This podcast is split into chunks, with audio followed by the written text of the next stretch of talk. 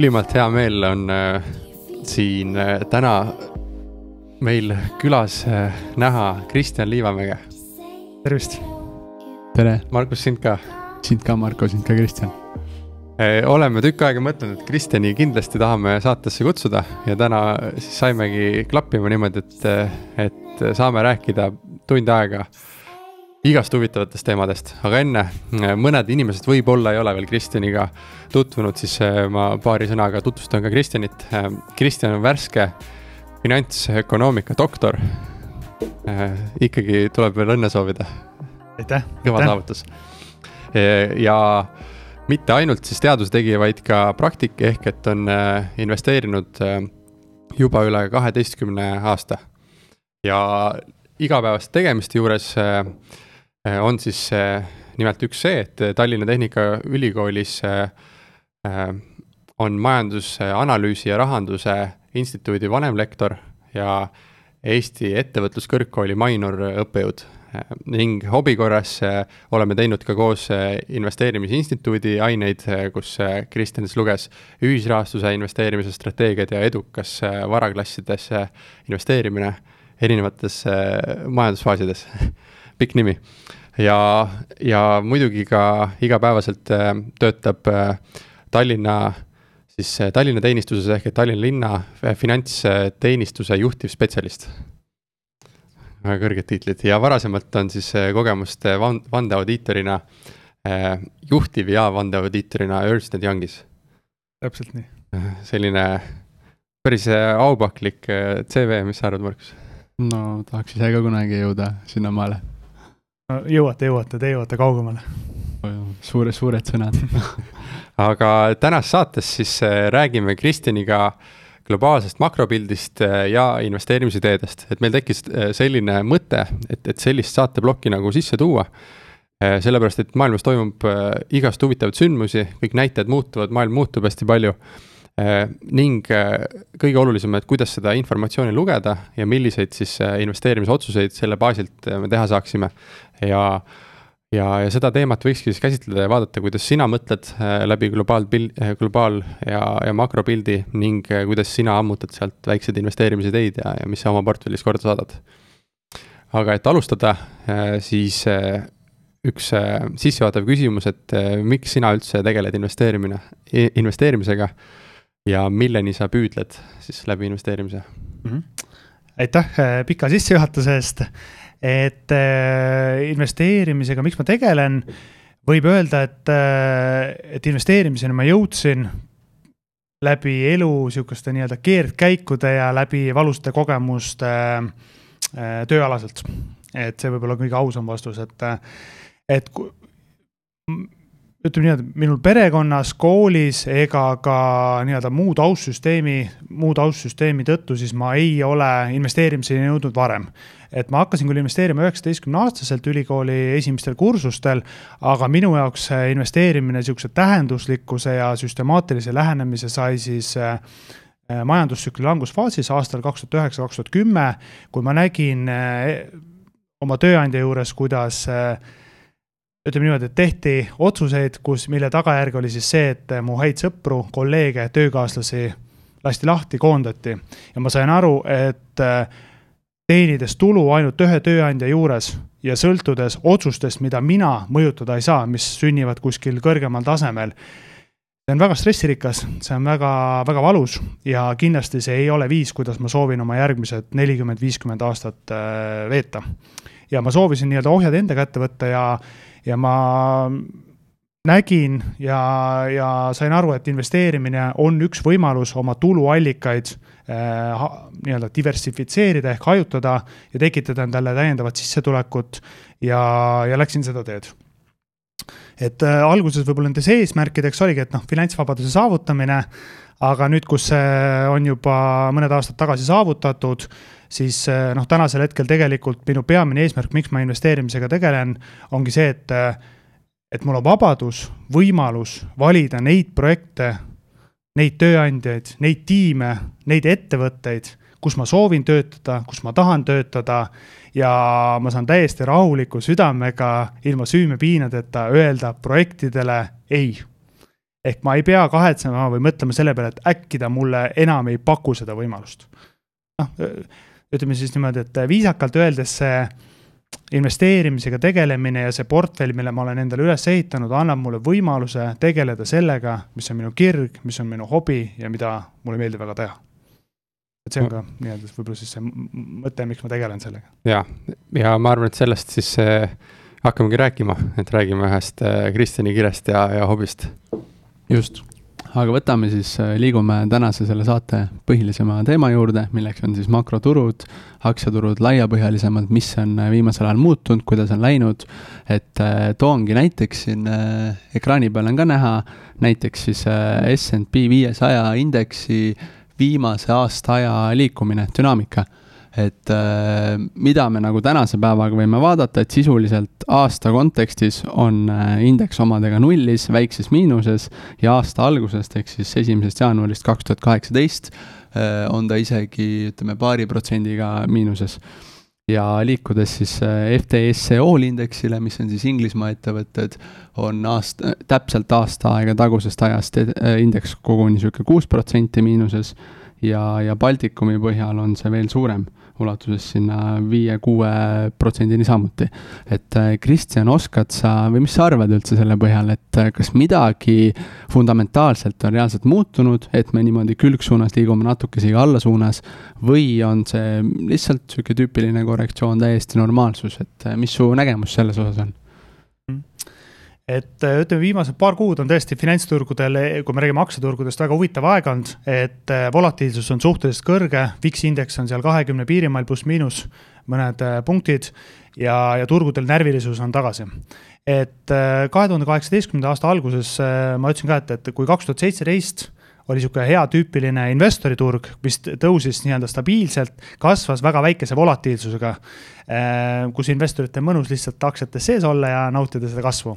siis äh, minu hinnangul kaks tuhat kaheksateist on nii-öelda niisugune kauplejate turg, ehk siis niisugune külgsuunas liikumine suurte amplituutidega üles-alla, äh, volatiilsus kõrge ja no ütleme niimoodi, investorite närvid ja närvikava pannakse ikkagi korralikult proovile et äh, kui küsida, et äh, miks siis, miks siis see korrektsioon on tulnud, et noh, tegelikult ega seal korrektsiooni taga on erinevaid põhjuseid, äh, olenevalt siis regioonist, aga noh, USA-st saab rääkida ikkagi või noh, üheks peamiseks põhjuseks on siis intressimäärade tõus ja turuosaliste ootused intressimäärade tõstmise osas ka tulevikus.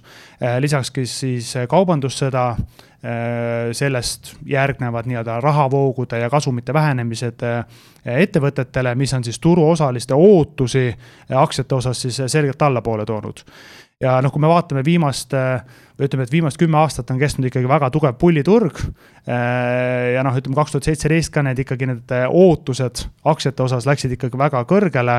kui me räägime näiteks tehnoloogia, USA tehnoloogiasektori aktsiatest, siis noh, mõnes mõttes see on loogiline tagajärg, kus siis, kui enam positiivsed uudised või ütleme, neid ootuseid ei suudeta enam ületada, siis selle tulemusena aktsiahinnad ongi need, mis korrigeeruvad ja noh, seda me siis äh, oleme turgudel näinud. Aga me rääkisime praegu hästi palju ootustest mm, -hmm. et äh, noh, ootus on sisuliselt ju spekulatsioon või noh, ongi nagu midagi, mida me ootame, kas ütleme, midagi fundamentaalset on ka nagu äh, selles mõttes muutunud, et äh, et noh, oskad sa midagi nagu selles mõttes välja tuua, mingid töötusega kuskil piirkondades mingid, mingid muud siuksed makronäitajad mm? -hmm. et kui me räägime aktsiaturgudest, siis sisuliselt aktsiahind Äh, peegeldabki seda, millised on turuosaliste ootused tulevastele rahavoogudele ja kasumitele. see, mis minevikus toimus, tegelikult kedagi enam ei huvita ja noh, kui sa küsid, et kas siis makromajanduses on midagi fundamentaalselt muutunud, mis siis nende tuleva, ettevõtete tulevasi rahavooge peaks mõjutama, siis äh, tegelikult vastus on jah. Äh, muutunud on see nii-öelda need kaubandussõja temaatika, mis siis ikkagi selgelt osasid sektoreid ja ettevõtteid ja nende rahavoogusid mõjutab. teine teema on ka siis, kui me räägime intressimäära tõusust, siis kõrgem intressimäär, kõrgem baasintressimäär tähendab ka suuremat laenu, nii-öelda laenukulu mis tähendab ka väiksemat, omakorda väiksemat Kasum. puhaskasumit mm, -hmm. mis on investoritele äh, nii-öelda üks peamine olulisi, olulisi näitajaid mm. -hmm. ehk siis selgelt makromajanduses äh, ütleme siis need näitajad või, või need nii-öelda dünaamikad ikkagi mõjutavad ka aktsiahindu ja, ja turuosaliste ootusi selles mm -hmm. osas. kas sa oled jälginud ka mis toimub nagu uudiste mõttes, et, et, et nüüd on arvutatud välja ka seda, et, et kui suur peaks olema tulevane USA siis laenukoormus nii-öelda eelarvele ja see läheneb sinna no ikka kümnetes, kümnetes protsentides, kui mitte pool kogu eelarvest, siis on tule, järgmise kahekümne aasta jooksul peaks nad tegelikult maksma siis laenude teenindamiseks intressi. et kas selline asi on ka turgudel juba sisse arvutatud kuidas sina seda näed? Jah, et, et kuna see üldjuhul võib öelda, et eh, kui me räägime USA turgudest, et pigem on efektiivsed turud, ehk siis kõik see informatsioon varem või hiljem nii-öelda diskonteeritakse sinna sisse nendesse ootustesse ka. et eh, kui me räägime USA riigi võlast, siis noh, tegelikult see on väga kõrge olnud juba aastaid ja see selles mõttes turgudele selgelt üllatusena pigem ei tule et eh, jah, et pigem negatiivselt on mõjutanud muud, muud uue, uus informatsioon, mis on siis nagu turgudel seda korrektsiooni esile toonud et noh, kui sa näitasid äh, neid graafikuid ka, et USA turul me räägime siis noh, ütleme sihuke nulliringis tootluses sellel aastal, siis ei tasu ära unustada Euroopat. Äh, näiteks Saksamaa äh, börsiindeks DAX, mis on sellel aastal langenud pea kolmteist protsenti. Aasias Shanghai indeks kaheksateist protsenti, Aasia teised turud veel korralikult ikkagi väga, osad, osad indeksid on nii-öelda ka karuturul juba.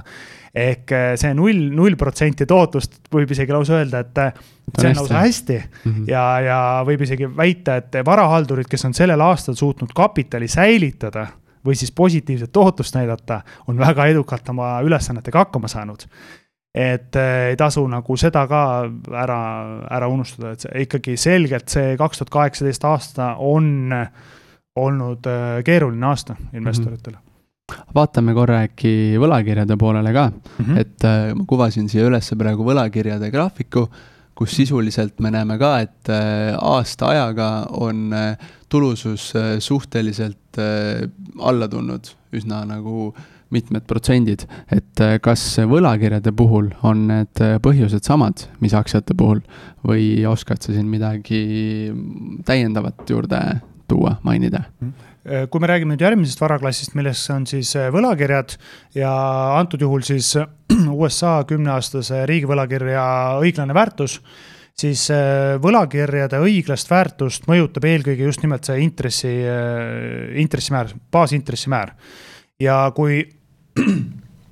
ja kui äh, vaadata nüüd, äh, mis on siis baasintressimääraga USA-s toimunud, siis viimased äh, kaks aastat, alates kahe tuhande kuueteistkümnenda aasta lõpust, baasintressimäärad on null protsendi pealt tõusnud kahe koma kahekümne viie protsendi peale.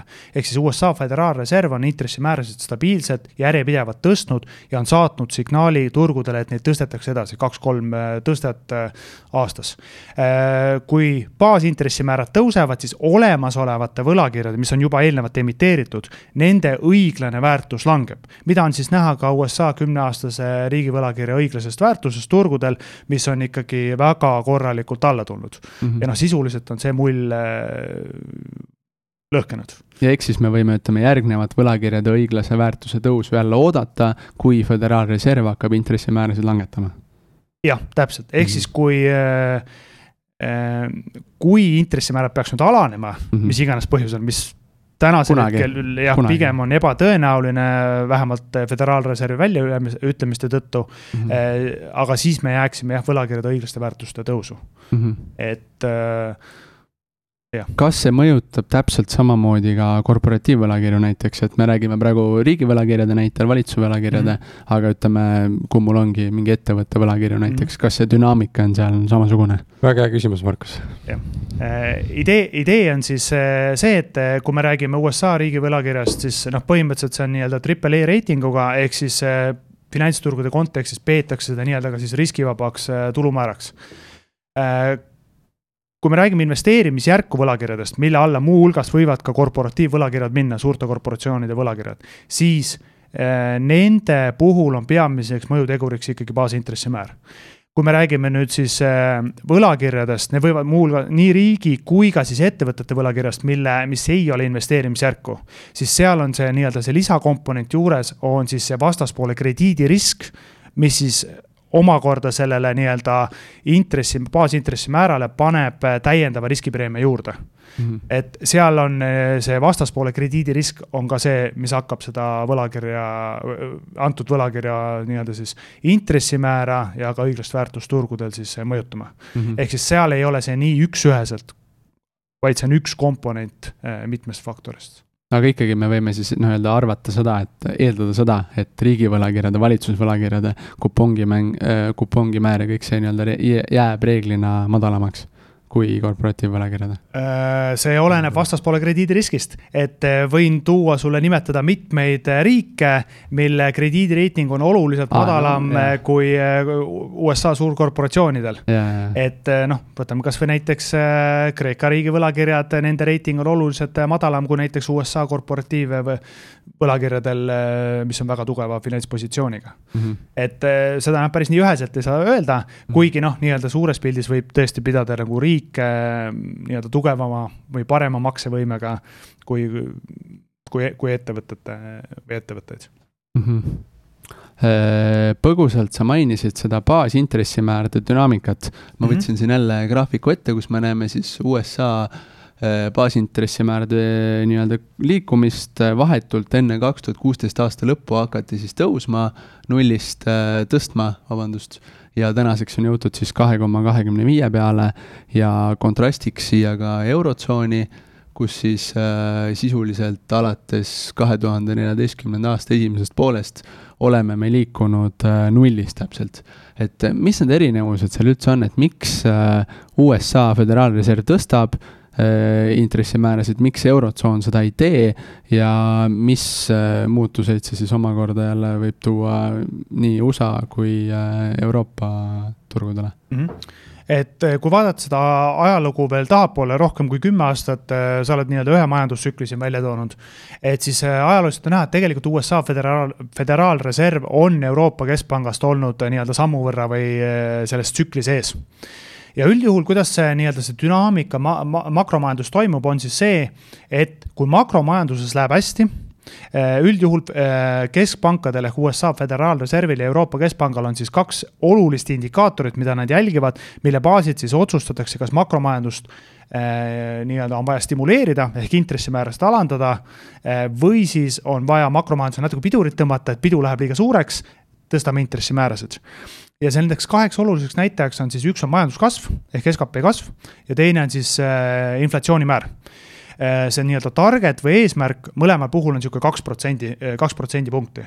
ehk siis tegelikult see mäng on väga lihtne et me kõik võiksime olla keskpankurid äh,. idee on siis see, et kui sa kui sa näed, et skp kasv on üle kahe protsendi, inflatsioon on üle kahe protsendi ehk siis kiire, siis on järeldus, tõstame baasintressimäärasid noh, muidugi keeruline see, et kui palju, millises tempos, mis signaalid ja nii edasi, aga sisuliselt see mäng selles kontekstis on suhteliselt lihtne. ja kui me vaatame nüüd USA makromajandusnäitajaid, siis äh, skp kasv on äh, viimased aastad või noh, võib isegi öelda mitmed aastad olnud äh, väga positiivne. tänasel hetkel peast äh, see suurusjärk vist skp kasv on seal kolm protsenti või üle kolme, kolme protsendi aasta baasil USA-s ja inflatsioon on ka üle eesmärgi ehk üle kahe protsendi, mis selgelt indikeeribki seda, et äh, täiesti õige on baasintressimäärasid majanduses tõsta, mida ka USA Föderaalreserv on teinud. küsimus, miks Euroopas seda ei ole tehtud, kas Euroopas mm -hmm. läheb meil halvasti siis mm? -hmm ja kui me vaatame makromajandusnäitajaid, et äh, siis ütleme niimoodi, et nüüd viimasel ajal me oleme saanud selle inflatsiooni üle kahe protsendi Euroopas aga varasemalt see oli selgelt alla kahe protsendi, ehk siis alla selle eesmärgi, mis on Euroopa Keskpank seadnud. samamoodi majanduskasv on olnud äh, võrreldes USA-ga madalam, mille tulemusena siis Euroopa Keskpank ikkagi üritab madalate intressimääradega stimuleerida majandust, saada selle nii-öelda toimima, saada selle pöörlema täistuuridel, nii nii nagu USA-s on ja alles siis me saame rääkida intressimäära tõstmisest. sest noh, ütleme niimoodi, et äh, mõnes mõttes see on niisugune rahapoliitiline enesetapp, et kui sul makromajandus on nõrk, inflatsiooni pole ja siis sa hakkad veel intressimääradega seda nii-öelda omakorda pärssima, siis see tulemus võib olla väga, väga, väga kehva mm. -hmm. aga turuosaliste ootused Euroopas intressimäärade tõstmiseks on olemas ja turuosalised ootavad, et aastal kaks tuhat üheksateist tõstetakse ka Euroopas baasintressimäärasid. mis tähendab seda, et kõik meie kuulajad ja vaatajad, kellel on kodulaenud, kellel on autoliisingud, kellel on mis iganes laenud seotud Euriboriga, siis tasapisi võiksite hakata seda ka tunnetama oma kodulaenu. raha koguma hakata mm. jah, et tõenäosus, et teie kodulaenu makse suureneb, on pigem suurem kui see, et ta nüüd edaspidi veel alaneb ehk siis äh, vähemalt turuosaliste ootused äh, on sellised mm. -hmm. tehes kiire järelduse kõik kogu sellest jutust, mis sa rääkisid, et, et nii-öelda baasintressimäärasid hakatakse tõstma siis, kui majandusel läheb paremini. noh, täna Föderaalreserv tõstab, Eurotsoon ei tõsta, järelikult USA majandusel läheb paremini aga mis see on see põhjus, miks läheb USA majandusel paremini ja miks Eurotsoon äh, lohiseb niimoodi järgi, et äh, on, on meie põhjuseks Itaalia või Kreeka või, või oskad sa mainida mingisuguseid tegureid? oh jah, kui selle suudaksin äh, viie minutiga lahti selgitada, siis sellest võiks lausa preemia saada. aga eks need, need põhjused, miks siis nagu USA-s läheb paremini kui, kui Euroopas, et noh seal on erinevaid nägemusi, erinevaid põhjuseid, aga, aga noh, ütleme niimoodi, et minu hinnangul vähemalt äh, Euroopat pärsib selgelt ikkagi see, et äh, see, ütleme sihuke, sihuke mm, majandusmudel, mis meil siin Euroopas on, erinevates riikides kasul, ka äh, nii-öelda ütleme siis rakendatud, et see on, seal on seda sotsia-, sotsiaalset aspekti natuke rohkem, et sihukest korporatiivmõtlemist, kasumile orienteeritust on võib-olla natukene vähem ja pigem on sihukese töötajate rahulolu, sotsiaalne kindlustunne ja nii edasi, on olulisemad teatud juhtudel.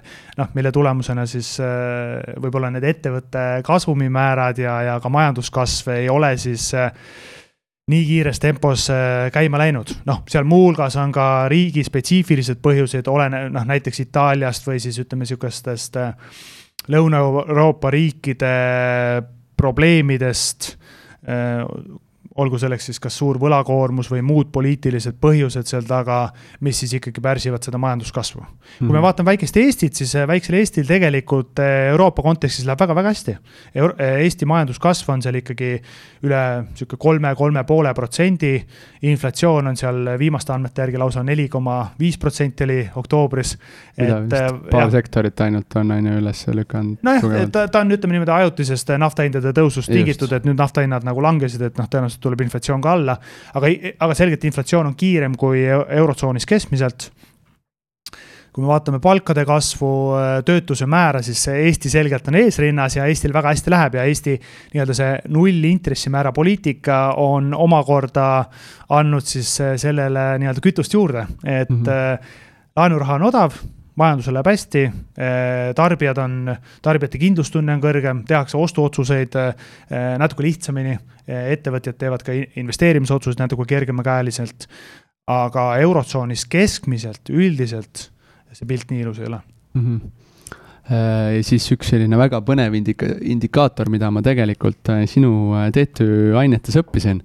-hmm. et ma tean, sa ise väga vaatad sellist indikaatorit nagu composite leading indicator, et äh, dünaamikad on tal niisugused hästi huvitavad kümne aasta lõikes, kus kriisiaegadel oli volatiilsus hästi suur ja, ja siis on sellest ajast liikunud edasi sisuliselt külgsuunas, kus siis ütleme, viimase poole aasta jooksul on jälle võtnud niisuguse otsa allapoole nii siis USA, Eurotsooni kui Eesti kontekstis. et äh, tahad sa natuke rääkida selle indikaatori sisust pikemalt ja mida me võib-olla sealt välja võiksime lugeda mm? -hmm et äh, võib-olla selgitaks taustaks natukene ära, et äh, miks ma neid üldse jälgin ja miks need üldse olulised on. et kui eelnevalt me rääkisime ikkagi siis makromajandusnäitajatest, SKP-st, töötusest, inflatsioonist, intressimääradest ja see informatsioon kõik ajalooline, ehk siis äh, tagasivaatav, see, mis on olnud, see kõik on tore, aga minule kui investorile oluline on see, mis tulevikus hakkab saama, see, mis minevikus oli, kõik on tore, aga see ei anna mulle ütleme niimoodi, et siis väga palju informatsiooni selle kohta, mis tulevikus hakkab saama.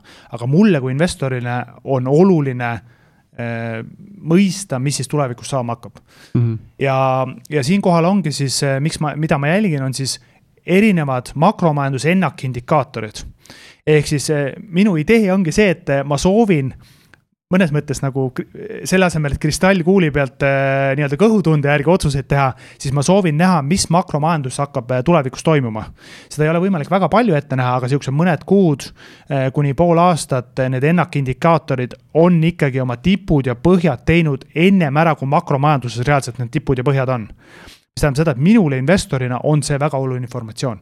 seetõttu ma jälgingi taustainformatsiooniks eh, erinevaid eh, makromajanduse juhtindikaatoreid, mis annavad mulle signaali, kuhu suunas me liigume, mis see trend hakkab tulevi-, hakkab nüüd olema ja, ja üks juhtindikaator, mille sa välja tõid, ongi siis composite leading indicator, mis koosneb siis erinevatest nii-öelda sihukesest alamjuhtindikaatoritest aga mis siis annab sihukese, ütleme siis koondpildi sellest, kuidas siis äh, makromajanduses võiks äh, edaspidised hakata, hakata nii-öelda asjad olema.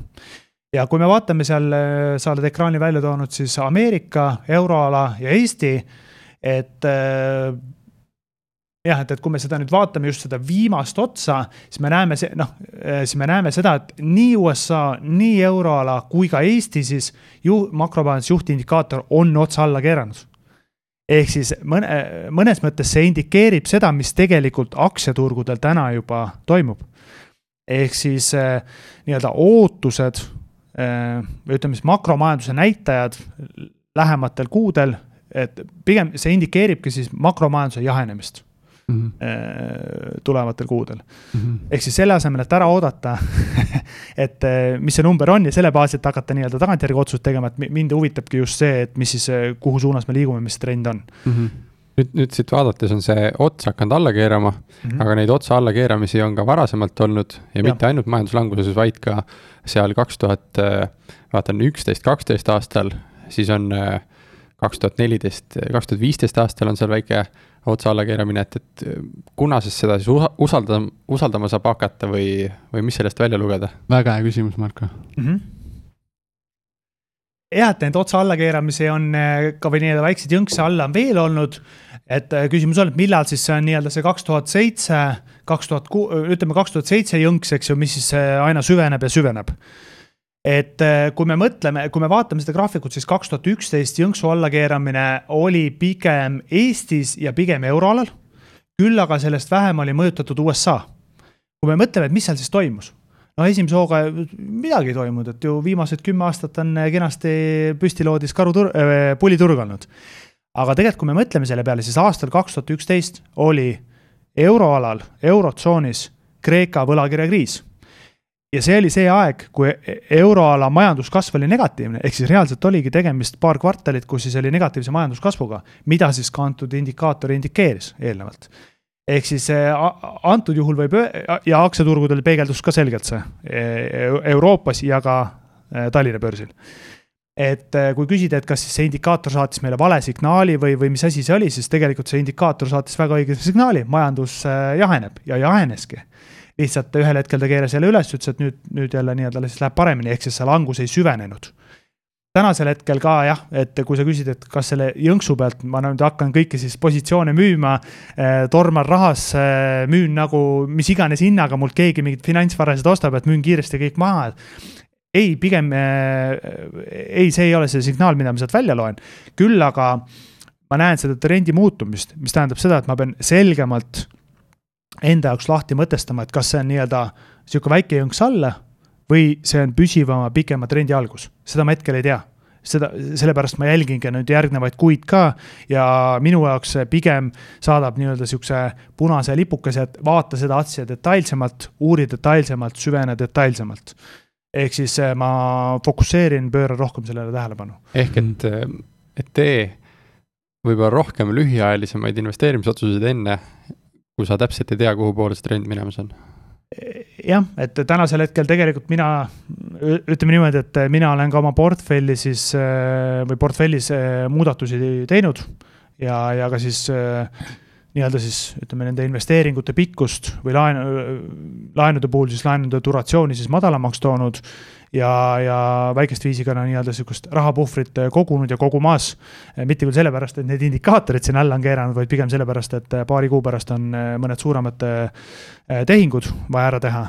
aga, aga selgelt ikkagi jälgin, jälgin seda ja, ja teen ka järeldusi mm -hmm. oma mhm. portfellis teine asi, teist kaks asja õigemini, mida ma tean, mida sa samuti jälgid ja mida ma isegi jälgin, on erinevad kindlustunde indeksid, siis ettevõtjate kindlustunde indeks, business confidence index ja tarbijate kindlustunde indeks, consumer confidence index. et äh, mida me nendest järeldada saame või võiksime mm.? et üldjuhul, kui me räägime siis tarbijate kindlustunde indeksist ja ettevõtjate kindlustunde indeksist, siis äh, neid peetakse ka äh, ennakindikaatoriks ja idee tegelikult on seal väga lihtne, et äh, kui tarbijate kindlustunne alaneb oluliselt, siis selle tulemusena noh, ütleme siis sa teed seda ostuotsust, mis sul on, sa lükkad selle ostuotsust edasi või siis eh, ei tee nii kergekäeliselt seda ostuotsust. mis omakorda tähendab ju tegelikult seda, et kui sa jätad selle ostuotsuse tegemata, ettevõttel jääb müügitulu saamata ja see kajastub ka ettevõtte rahavoogudes, puhaskasumis ja nii edasi, küll aga siis nagu viitajaga. ehk siis mhm. selles mõttes tarbijate kindlustunne indeks on hea indikaat-, ennakindikaator. samamoodi ettevõtjate kindlustunne, kindlustunde indeks. et kui ettevõtjad on ikkagi negatiivselt meelestatud, nad lükkavad oma investeerimisotsused edasi, äh, lükkavad laienemisotsused edasi, mis omakorda kajastub ka siis ettevõtte rahavoogudes ja kasumites ehk siis eh, miks ma neid indekseid jälgin, ongi siis see, et saada signaali, mis suunas tarbijad, mis suunas ettevõtjad mõtlevad eh, ja milline on nende kindlustunne erinevate kas tarbimisotsuste, investeerimisotsuste või muude finantsotsuste tegemisel mm. -hmm. ja kui me vaatame, siis noh, tegelikult ka seal on nii-öelda otsad alla keeratud mm. -hmm. et kui me eriti, eriti oluline on tarbijate kindlustunde indeks, et ikkagi kui tarbijad on negatiivselt meelestatud nii Ameerikas, euroalal kui ka, kui ka Eestis, et siis äh, nii, nii kergekäeliselt nad neid ostuotsuseid seal poes ei tee, et mm. -hmm. Et kogutakse nii-öelda rohkem raha sukasäärde ja halvemate päevade varuks. pigem nagu oodatakse ära ja vaadatakse ja tehakse nagu siuksed vältimatud kulutu-, vältimatud kulutused ennem ja mm, -hmm. ja võib-olla siuksed nii-öelda luksuskaubad äh,, hüved, mida mul tegelikult vaja ei ole, neid nii kergekäeliselt ei osteta mm. -hmm et äh, mis, mis selgelt siis kajastub ka siis ettevõtte finantstulemustes mm -hmm. viitajaga mm. -hmm et see on see, miks ma neid, äh, miks ma neid indekseid ja indikaatoreid jälgin. saan ma siis lõppkokkuvõttes õigesti aru, et need kolm äh, indikaatorit, mida me viimasena vaatasime, ehk siis see composite leading indicator, ettevõtjate kindlustunne, tarbijate kindlustunne, et need on siis mõnes mõttes nagu inimeste sihukese praeguse emotsiooni peale üles ehitatud. et noh, seal ei ole mingit sihukest nagu, nagu numbrit taga, et nüüd või, või see ongi nagu just nagu sihuke tunne inimestel hinnang. jah, kui sa küsid, et kuidas see indeks nagu koostatakse või mis ja. on see metoodika, siis jah, see on küsitlus, ehk siis inimeste ja ettevõtjate eh, hinnang enda kindlustundele mm. -hmm. et seda jah, selles mõttes kuidagi pea, peale nagu küsitluse noh, väga keeruline mõõta, et, et mm -hmm. kui ma peale sulle vaatan, ma ei noh, väga raske on öelda, oled sa nüüd eh, õnnelikum või vähem õnnelikum, oled sa nüüd ähm, kindlam oma ostu, ostuotsustes või mitte, et kas sa kulutad hea meelega või mitte. et seda mm -hmm. ma mhm. pean ikka sinu käest küsima, et Markus, oled sa nõus oma rahakotid täna Selveris avama, tegema neid ja neid otsuseid ja nii edasi mm? -hmm aga seal selles mõttes majanduslikult on ikkagi loogika on taga olemas. et kui sa oled väga pessimistlikult meelestatud, et võtame noh, ekstreemsed näited muidugi, aasta kaks tuhat üheksa, kümme, kui sa näed, et tööpuudus kasvab, sul sõpru, kolleege, tuttavaid koondatakse, lastakse lahti eh, sa ka, sulle ka ise tehakse ettepanek, et näed, kas me kärbime su palka miinus kümme protsenti või sa võtad palgata puhkust, reaalne case minu puhul siis äh, kuidas see mõjutab sinu tarbimisotsuseid? tõmbab koomale väga tublisti. jah, tõenäoliselt peale seda otsust, kui sulle öeldakse, et su palk on nüüd äh, edasi ulatuvalt miinus kümme protsenti, sa ei lähe kohe koju tarbima, et kuule, lähme teeme ühe väikse preemiareisi selle peale. et sa pigem hakkad mõtlema selle peale, et kuidas ikkagi oma baaskulutused, baasvajadused ära täita ja, ja kuidas peret nii-öelda sihukesesse üle elada see kriis ja, ja perel ikkagi toit laual oleks ehk siis niisuguse mm -hmm. luksuskaupade tarbimine ja, ja muud äh, ostuotsused, mis ei ole nii-öelda vajalikud, äh, sa pigem lükkad edasi mm. -hmm noh, muidugi ekstreemne näide, aga noh, seda peegeldab see indeks ka, et kui me vaatasime Eesti, Eesti puhul, siis see indeks oli ikkagi väga-väga madalal tasemel, ehk siis tarbijate kindlustunne aastal kaks tuhat kaheksa, üheksa oli väga madalal tasemel mm, -hmm. mis reaalselt peegeldus ka nende tarbimisotsustus mm. -hmm.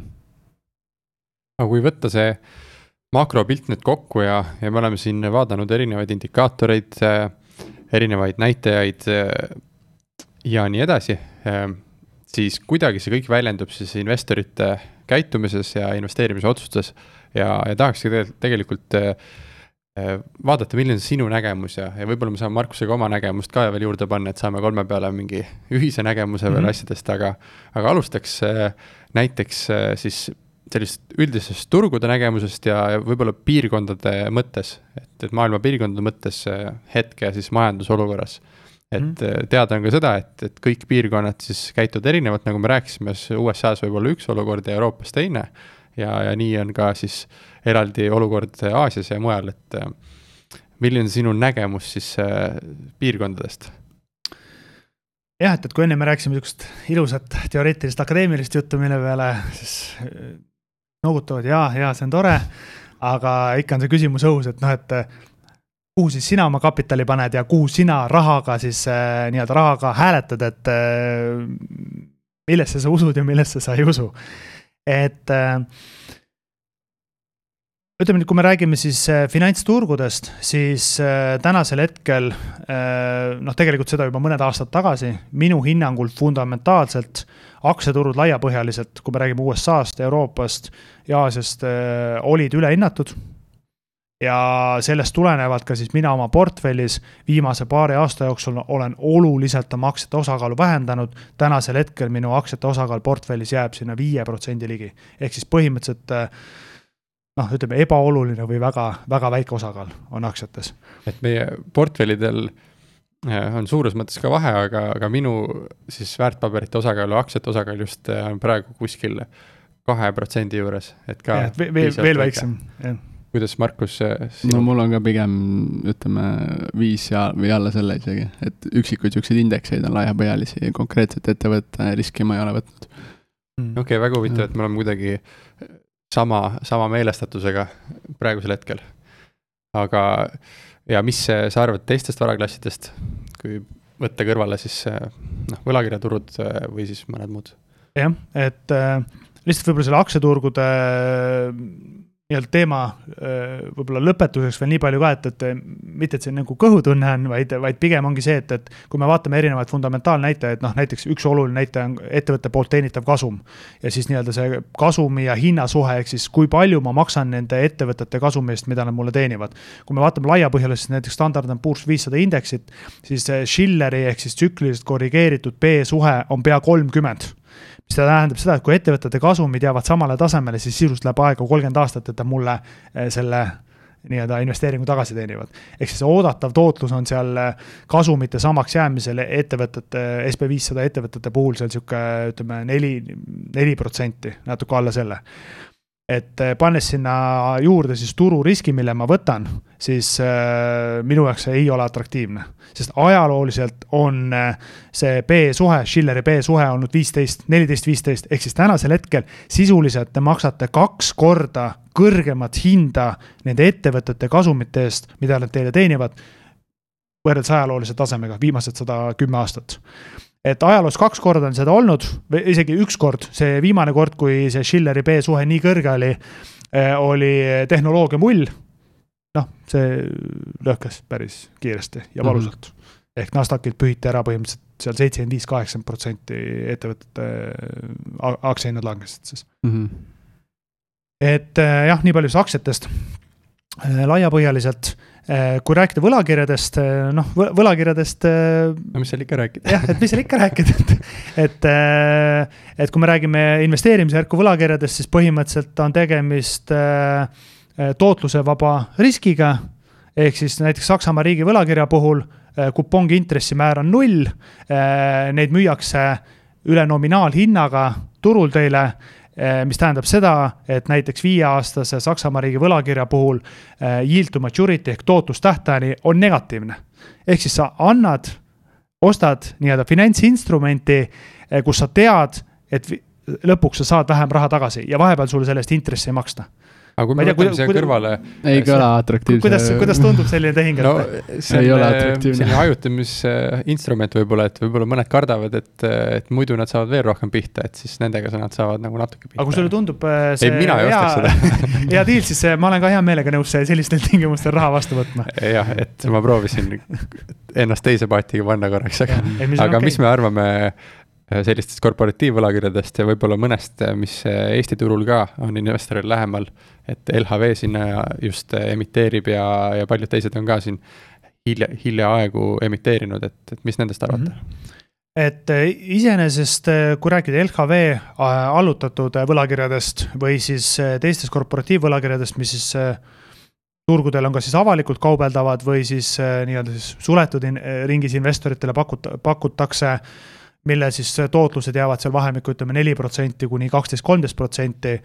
Ehk siis äh, need äh, võlakirjad minu hinnangul olenevalt investori siis äh, riskieelistustest ja portfelli allokatsioonist täiesti okei okay,, täiesti okei okay, täiesti mõistlikud instrumendid, mida siis portfelli võtta, kui see läheb teie portfelli strateegiaga ja, ja, ja tootlusootusega kokku. Mhm.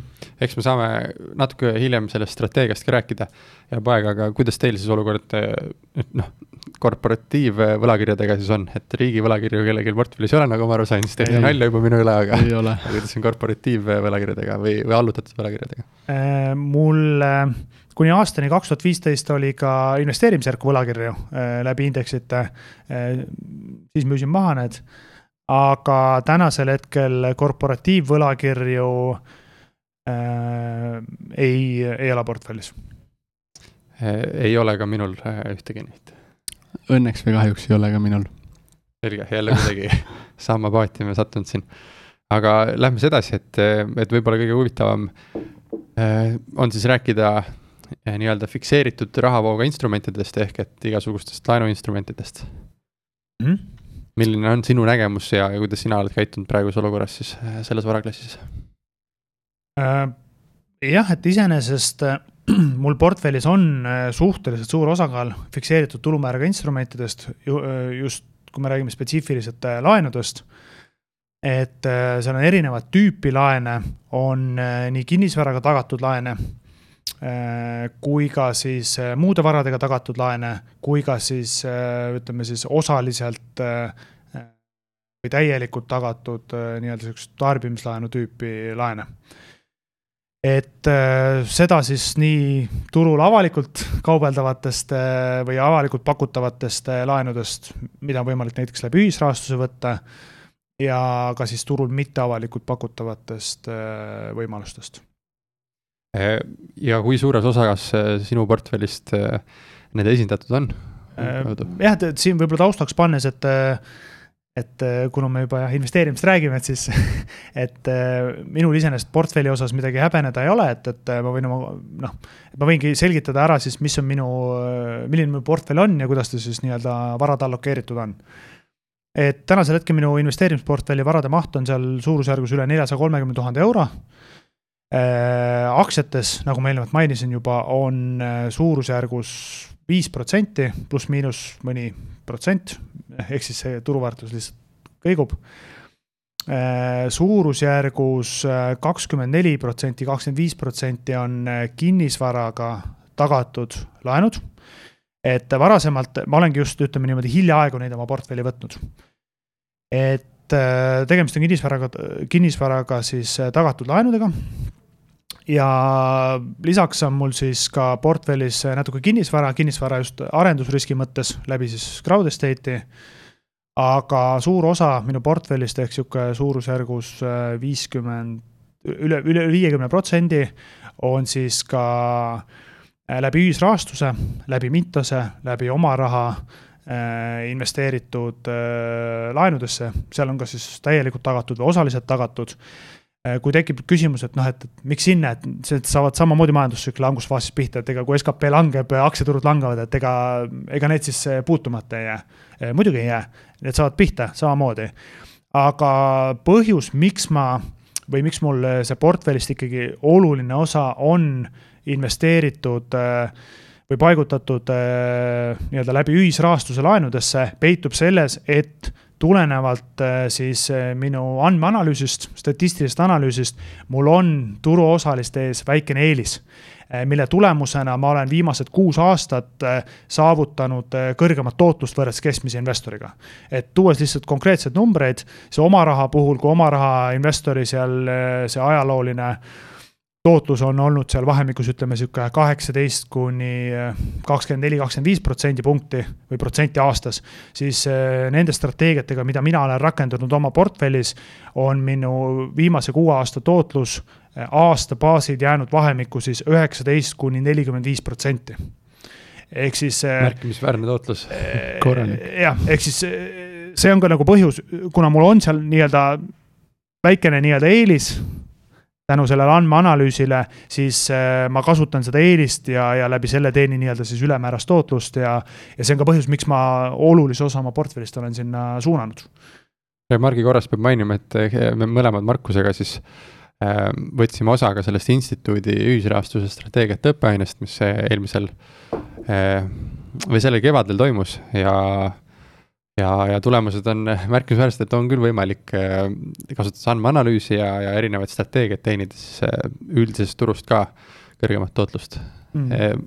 et pead, pean ka tõdema, et, et minu selline samamoodi laenude osakaal on üsna suur, see on ka jaotatud sarnaselt, on kõigile kättesaadavad olevad laenud ja mõned on sellised, mis, mis on ainult minule kättesaadavad, pluss veel mõnele investorile. Ja, ja kokkuvõttes see, see portfelli osa moodustab võrdlemisi suur, ilmselt kuuskümmend, seitsekümmend protsenti kokku mm, -hmm. koos ka nende kinnisvara laenudega näiteks ja, ja siis ülejäänud kõik, mis jääb alles sealt aktsiate ja, ja selle vahelt on tegelikult äh, hetkel rahas mm. -hmm. et äh, võib-olla ootab uusi võimalusi mm. -hmm. sul, Markus? Äh, mul on sisuliselt nagu need osakaalud on samad, et üle üheksakümne protsendi on nagu laenudes ja siis mingi jupp on rahas ja väga väike jupp on kuskil indeksfondides. Mis ma tegelikult tahaks täienduseks öelda selle investeerimisinstituudi viite peale, et väga nagu hea koolitus oli see ja tegelikult äh, noh, kui me nüüd kuulasime, mitu nädalat käisime Kristjanit kuulamas iga nädal kolm tundi, on ju, siis tegelikult seal taga kuidas me neid otsuseid langetame, on vägagi lihtsad arusaadavad kontseptsioonid. et me ei lange kuskile süva statistilisse analüüsi, kus sa pead viis aastat selle jaoks õppima, et üldse millestki seal aru saada. et see kõik on nagu tegelikult väga lihtne, no noh, mitte väga-väga lihtne, aga nagu hoomatav täiesti. ja kõik eh, otsus, nii-öelda need, see informatsioon, mille põhjal me otsused langetasime, on tegelikult avalikult ju kättesaadav, et mm -hmm. meil ei ole kellelgi endal mingid portaali omanike tutvuse ringis, et eh, kuule, anna mulle mingi see statistika, mida keegi teine kuskilt ei saa, on ju, et et selles mõttes. oluline asi, mis õppida oli vaja, oli tegelikult need mõttetööriistad või mõttemustrid, mida sa peaks, kuidas sa peaksid hakkama mõtlema äh, läbi selle kogu andme, andmekoguse, et leida sealt mingid huvitavad mõtted välja, et et äh, jällegi tänud sulle, et, et võib-olla sellepärast meie kõigi portfellid ongi nii sarnased, et eks me oleme sinuga mhm. palju aega koos veetnud ja sinu loengutes käinud, et äh, võib-olla on see üks põhjus, aga võib-olla on põhjus ka selles, et, et turuolukorrad on sellised ja, ja võib-olla me mõtleme sarnaselt siis. jah see laenude osa on, kuna ta niivõrd suur on, siis võib-olla räägiks natuke sellest, et, et kuidas me kõik siis julgeme nii suurt osa selles fikseeritud eh, tulumääraga instrumentides hoida ja, ja mis nendega võib saada, kui, kui siis majandus peaks kukkuma mm? -hmm. et noh, iseenesest äh, kuhu suunas ma olen äh, liikunud just äh, viimasel aastal ja, ja tegelikult on paar suuremat tehingut on ka veel tulemas nüüd. siis ongi just kinnisvaraga tagatud laenud, et ütleme niimoodi, et turult siis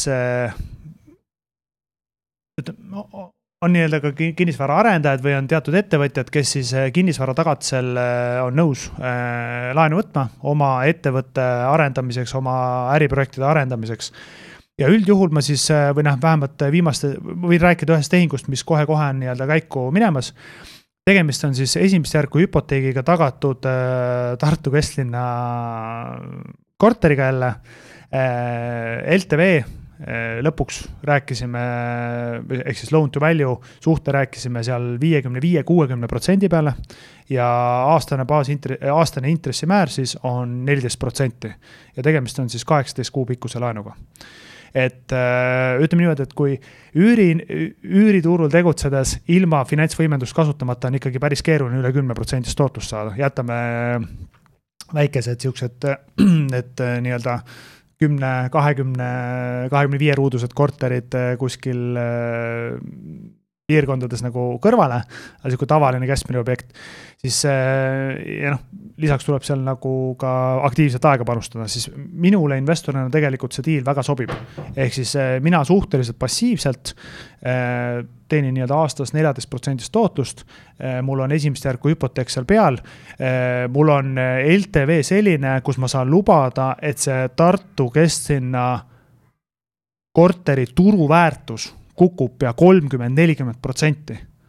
Ja katab ikka ära, et noh, eks igaüks võib mõelda ka ajalooliste andmete pealt vaadata, et kui palju see Tartu kesklinna korteri turuväärtus langes eelmise kriisi ajal ja kui tõenäoline on, et ta noh, nüüd nii palju langeb. aga igatahes see puhver on mul olemas, seega minu jaoks see riskitulu suhe on atraktiivne.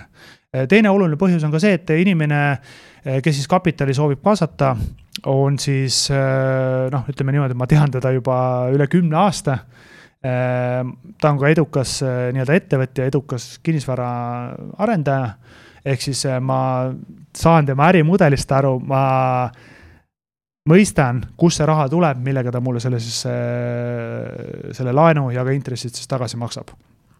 et jah, iseenesest need on need nii minu jaoks atraktiivsed tehingud, kus ma, kus ma soovin olla teine teema on siis see, et miks ma võib-olla sinna suunda olen läinud ja nüüd ka mõnda suuremat diili tegemas, on siis see, et, et üks teine investor, hea sõber, kellega me oleme väga pikaajaliselt koos ka investeerinud, kes on siis õiguse ja maksutaustaga, on samamoodi pundis ja tema nii-öelda see kuna ta on igapäevaselt tegelenud äh, ka laenulepingutega, äh, halbade laenude sissenõudmisega, on selle protsessi algusest lõpuni ära käinud, teab kõiki neid nii-öelda etappe, siis temaga koos seal paadis olles äh, jällegi niisugune väikene lisa, ütleme siis nii-öelda juriidiline nüanss sealjuures või, või niisugune väikene eelis turu ees, ehk kui asi läheb hapuks, kuidas kiirelt, efektiivselt ja finantsiliselt mõistlikult ka tagatist realiseerida, äh, laen kätte saada ja nii edasi.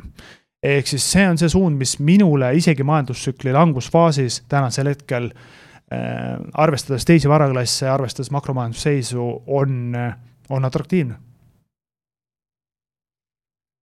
ja kuidas see põgusalt äkki kiire vastus selle kohta, et, et ühed on siis need mm, -hmm. need laenud, mis tulevad, need pakkumised, mis tulevad otse sulle. Eh, kuid on olemas ka need, mis on kõigile siis eh, pakutavad läbi portaalid nagu Mintos, Oma Raha ja, ja teised, et, et, et mis nüansse sa seal vaatad või kuidas sa näed seda?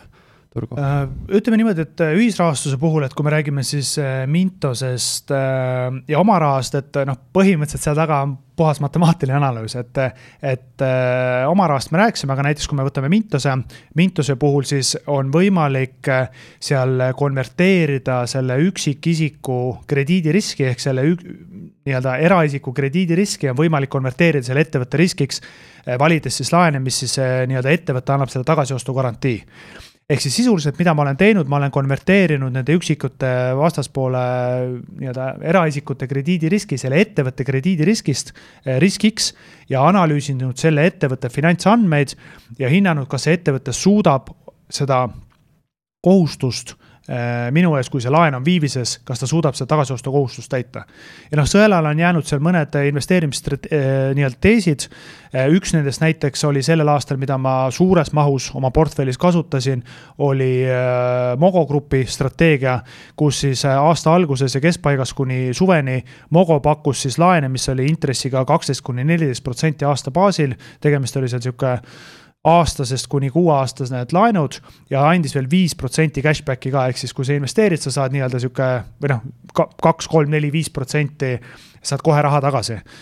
Äh, minu tees oli ka see, et äh, kuna ettevõtte finantsnäitajad on väga tugevad, Mogo Grupp on kasumlik, äh, tema, minu hinnangul see nii-öelda vastaspoole krediidirisk on väga madal ja see oodatav tulu, mis ma sealt teeniksin, on mul atraktiivne Eh, siis ma olin nõus sinna kapitali paigutama. lisaks eh, oli mul nii-öelda väikene tees ka siis see, et eh, tõenäoliselt varem või hiljem Mogo kaasab alternatiiv, kaasab ka mujalt kapitali, millega ta siis refinantseerib neid kõrgemaid intressi, kõrgema intressiga väljastatud laene. noh, tänaseks me teame, et nii see läks. kas see tees oli sinu enda peas või oli see tänu mõnele tutvusele ka? ütleme jah, selles mõttes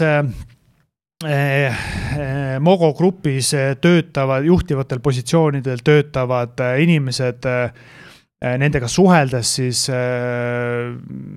jah, sealt see tees ka kujunes välja, et selles mõttes jah, et äh, ma, ma seda ise nii-öelda siis mm -hmm. Si puht majandusaasta aruande pealt välja ei lugenud. aga siit lihtsalt järeldus, et tegelikult investeerides on, äh, on oluline ka need inimesed, kellega suhtleda, kellega läbi käid, et Kindlasti. kasutage alati neid mm -hmm. võimalusi ära, et kasvõi ähm, noh, need grupid on olulised, kellega sa koos mõtled ja, ja neid otsuseid teed, et, et kasvõi see ähm, kinnisvaralaenu pakkumine ka, et, et tänu sellele, et sa nende inimestega suhtled, nemad pakuvad sulle ja ja, ja neid, ähm, kui inimesed kindlasti küsivad, et kuidas mina saaksin sellistele pakkumistele ligi, on ju, siis ähm, kogu, vastus peitub tegelikult suhtluses ja, ja suhetes inimestega, et, et sellised pakkumised sinuni tuleksid. äh, jah, et üks asi on see networking, see suhtlus, et sa oled avatud äh, võimalustele, noh, ma ütleks, teine kriitiline asi on ka see ikkagi meeskonnatöö, et sa kaasad enda, enda nii-öelda ümber siis inimesi, kes siis äh, mõtlevad samas suunas. noh, hea, ma arvangi, hea näide on ka meievahelisest koostööst.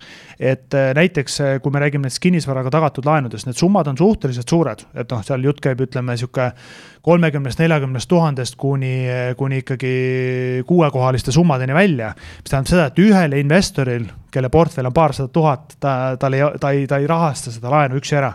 saaks, aga tal ei ole mõtet. jah, jah, jah, jah, et ehk siis ta koondabki need inimesed kokku ja no see ongi see oluline, et ega minul ei pruugi neid alati neid diile olla, võib-olla on sul mõni diil, sa tuled minu juurde, Kristjan, kuule, ole hea, teeme selle, rahastame selle laenu koos ära. järgmine kord minul on see diil, ma ütlen, Marko, kuule, teeme nüüd koos ära. et noh, lihtsalt see ongi nagu see networking on väga oluline, lisaks, lisaks siis muidugi finantsilistele teadmistele, et sa oskad nagu seda nii-öelda siis selles kinnisvara või noh, ütleme siis selle finantsinstrumendi puhul seda riskitulu suhet nagu niisuguse talupoja ka lahti mõtestada enda jaoks. Ehm, nüüd on, oleme jõudnud siia saate lõpufaasi ja, ja viimased minutid on meil aega. kaks teemat, mina tahaksin küsida veel kiiresti sellist kinnisvaraturu nägemust ka. kindlasti mm -hmm. suur teema, aga proovime kokku pakkida selle vastuse ja, ja siis Markusel oli paar küsimust ka mõnede tööriistade kohta mm, -hmm. mida sa igapäevaselt kasutad. aga kinnisvara kohta nägemus praeguses makro, makrovaates noh, kui me siis noh, kinnisvaraturge, eks ju, olenevalt siis regioonist või jah e, e, nii-öelda riigist on väga erinev olukord. aga kui me räägime Eestist, mis siis eelkõige meid, meid peaks kõnetama ja ka mind investorina kõnetab, siis kui me vaatame Eesti makromajanduse näitajaid, skp kasvab, töötuse määr suhteliselt madalal, viis koma kolm protsenti, viis koma kaks protsenti, palgakasv kõrge, kinnisvarahinnad ikkagi tõusevad, siis noh, ütleme niimoodi, et makromajandusnäitajate baasil hetkel ikkagi, kui me räägime Tallinna ja Tartu kinnisvarast, siis surve või no ütleme jah, et, et potentsiaal hindade kasvuks on ikkagi olemas, et praegu on nagu raske näha seda makromajandusšokki, mis peaks põhjustama kinnisvarahindade olulise languse või korrektsiooni Tallinnas ja Tartus mm. -hmm. ja nendest nii-öelda andmetest, mis me siin graafikutel kuvasime, on ju, need on kõik netis äh, vabalt kõigile kättesaadavad, neid ma saan blogipostituses ka mainida. aga võib-olla sihukesest tööriistast, mis sul just kahe kõrva vahel on, et äh, milline sihukene lähenemine ja mentaliteet on äh, sulle sihukeses pikaajalises investeerimises nagu häid tulemusi toonud?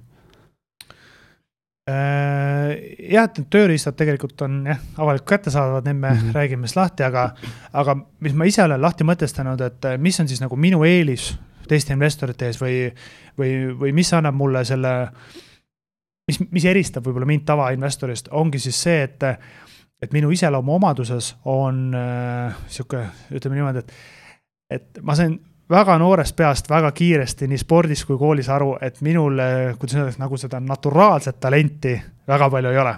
ehk siis minu võimalus püsida nendega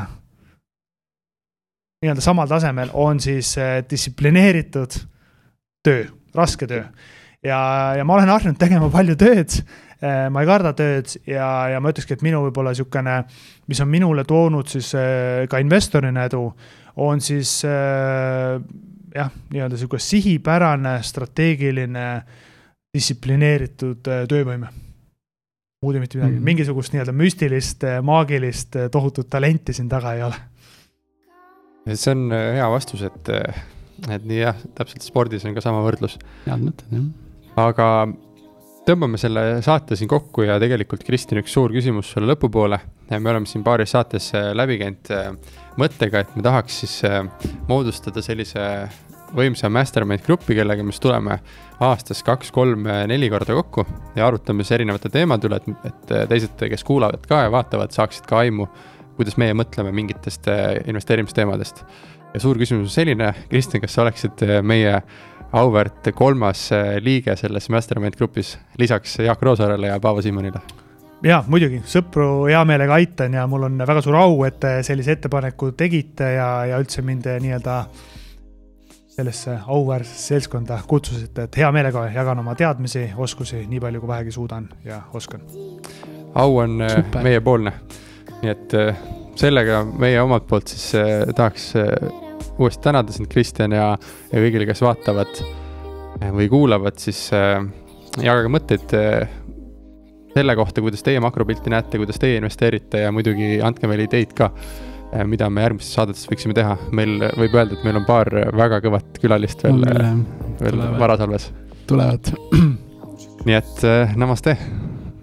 namaste, au. aitäh teile, nägemist